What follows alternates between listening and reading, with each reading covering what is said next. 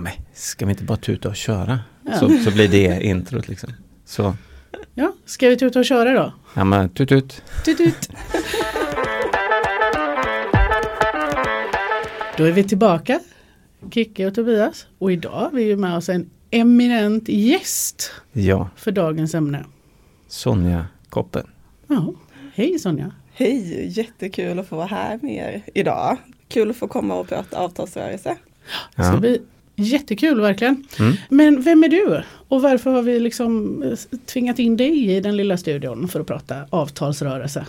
Ja, men jag gissar att det är för att jag har dels varit med i avtalsgruppen flera omgångar och nu också eh, är en av de två som leder avtalsgruppen från förbundsstyrelsens sida.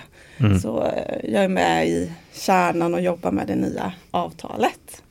Ja, precis. Ja, hur ska vi säga, för oss eh, förtroendevalda visionärer så är Sonja lite av en legend sådär. Så för oss så behöver hon ingen vidare presentation. Men eh, vad, du har eh, två uppdrag inom Vision. Ja men precis. Dels så har jag ju lång erfarenhet från det lokalfackliga i Göteborg där jag har haft olika roller och så. Nu är ledamot i vår avdelningsstyrelse.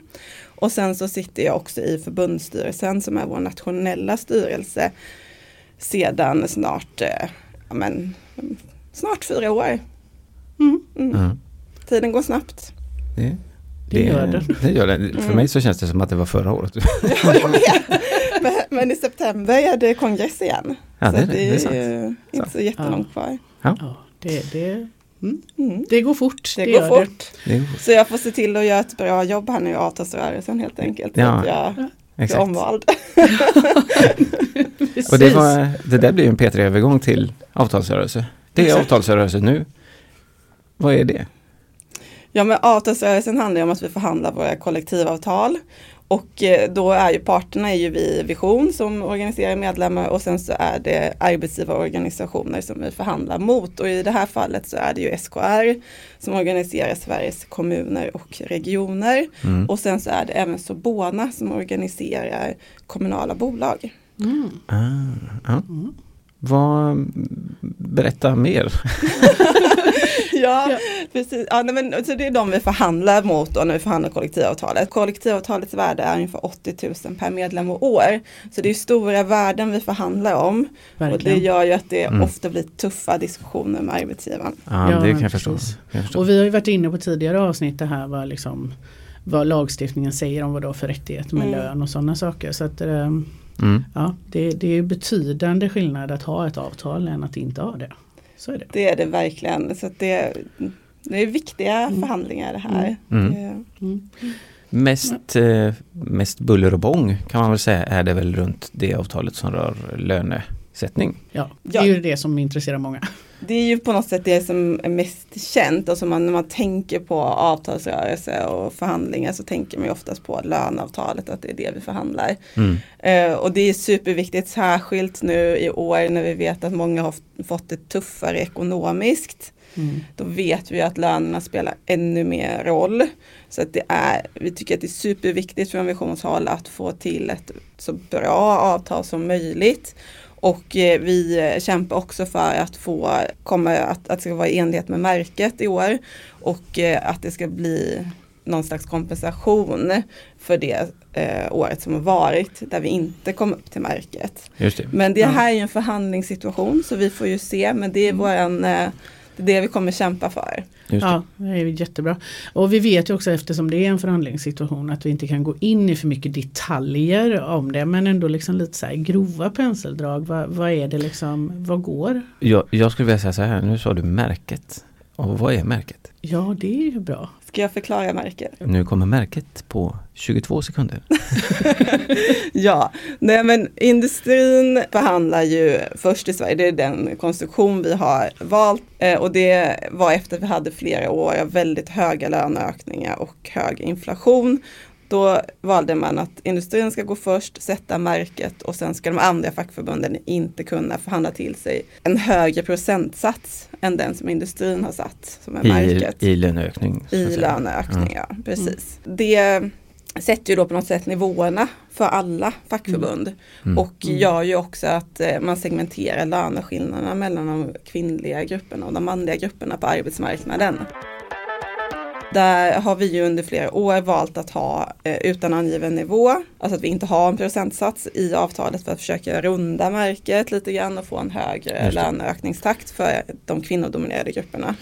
Icke angiven nivå eller Siffrelöst. sifferlöst avtal. Ja, Eh, precis. Vi slänger oss ofta med de här begreppen och så här, ungefär som att det vet väl alla vad det är. Men nu, nu vet alla vad det är. Precis. Ja. Men, men har man sett fördel med att ha det här icke angivna nivåer eller sifferlösa avtal eller eh, har det gett den effekten som man liksom hade hoppats på eller som man tror på? Eh, vår bedömning är att det har varit gynnsamt för medlemmarna. ja. Mm.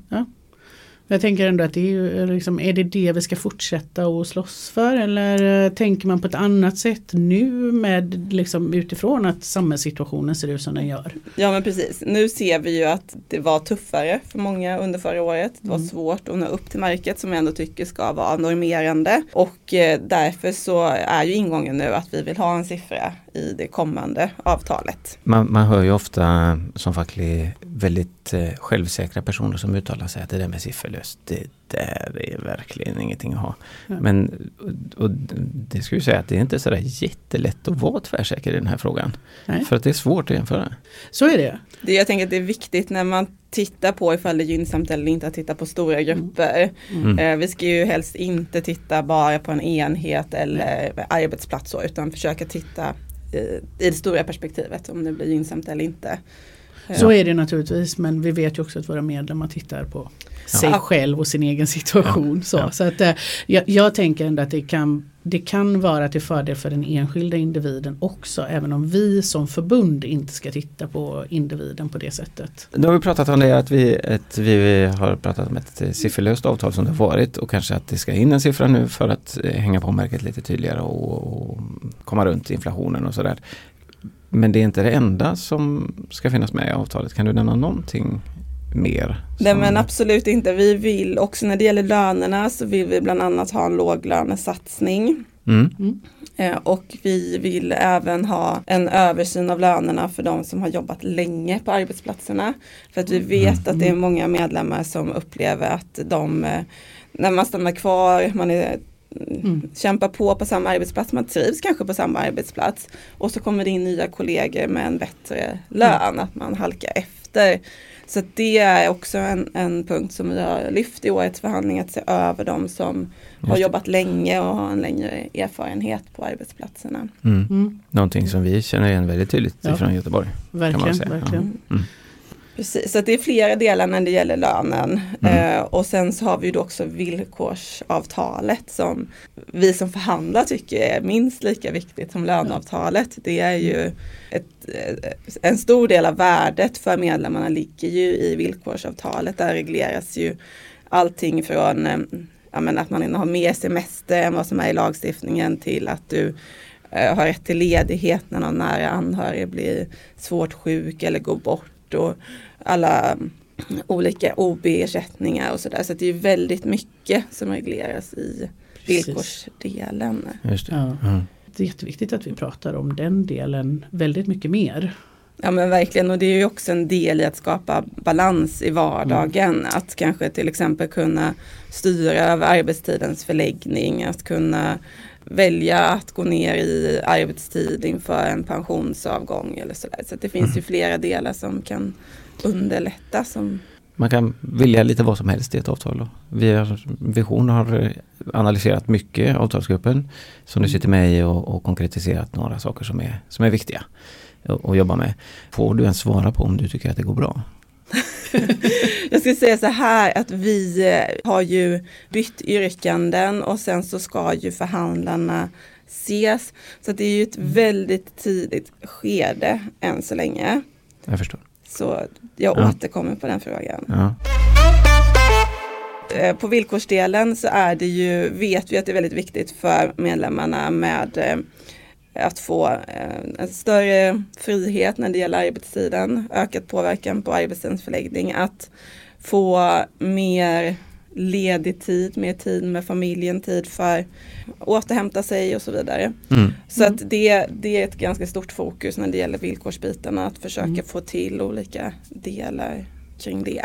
Ja. Ja. Arbetsgivarna har ju skickat en lång lista på vad de vill eh, förändra i avtalet också. Där Såklart. flera av punkterna såklart är försämringar. Ja, Så nu handlar det ju både om att försöka få igenom vissa av våra positiva saker men också stå emot arbetsgivarens försök till att ja, förändra saker. Och de, de sitter i sina poddar i, på sin sida och säger exakt samma sak som vi gör. Precis. Men när är det avtalet ska vara liksom, eh, när, när ska förhandlingarna liksom vara färdiga? När går det gamla avtalet ut och när tar det nya vid? Och liksom, Ja, eh, alltså avtalet eh, löper ju ut den sista mars och det nya ska ju gälla från första. Ja. Eh, sen så får vi ju se om vi är färdiga eller inte. Det är ju ganska vanligt att man får prolongera det eh, befintliga eller det gamla avtalet och förlänga det lite helt enkelt. Så vi, vi får se vad som, som händer. Det är ju än så länge väldigt tidigt som Ja, sagt. Jag förstår att du inte kan svara på någon, någon fråga alls egentligen. Men eh, siktar man på ett fyraårigt avtal igen? Eller siktar man på ett mer ett längre eller kortare? Eller så, det kan du inte heller svara på. Alltså våran ingång är ett kortare avtal. Ett kortare? Ja. Mm. Yes. Mm. Det är ju flera andra avtalsrörelser som har, för de andra förbunden, som har eh, siktat på kortare avtalsperioder också. Och det beror väl mycket på den ekonomiska situationen i samhället, eh, bland annat eh, varför man har valt då Ja För absolut. de andra Alltså, det, då, alltså de det andra som finns ju flera delar i det. Ja. Absolut, samhällssituationen, att det är svårt att förutspå Mm. hur det kommer utvecklas är ju Mm. en, en anledning till det. Ja, det, det Ja. finns flera delar i det. Ja. Det var lite grann så långt vi hade frågor till Sonja Mm, idag. Eh, och vi ser fram emot att du ska komma tillbaka och prata om sen när det är klart. Ja, och också om andra frågor. Ja, Ja. absolut. Har du frågor eh, så skickar du dem till Vision Göteborg at fv.vision.se Och eh, du ska, som vi säger, det är, det är inget val du har som lyssnare. Du ska följa oss på sociala medier och då gör man det på Facebook där vi heter Vision Göteborg eller på Instagram där vi heter Vision Göteborg. ja, Tack för idag. Tack så mycket. Tut. Jättetack.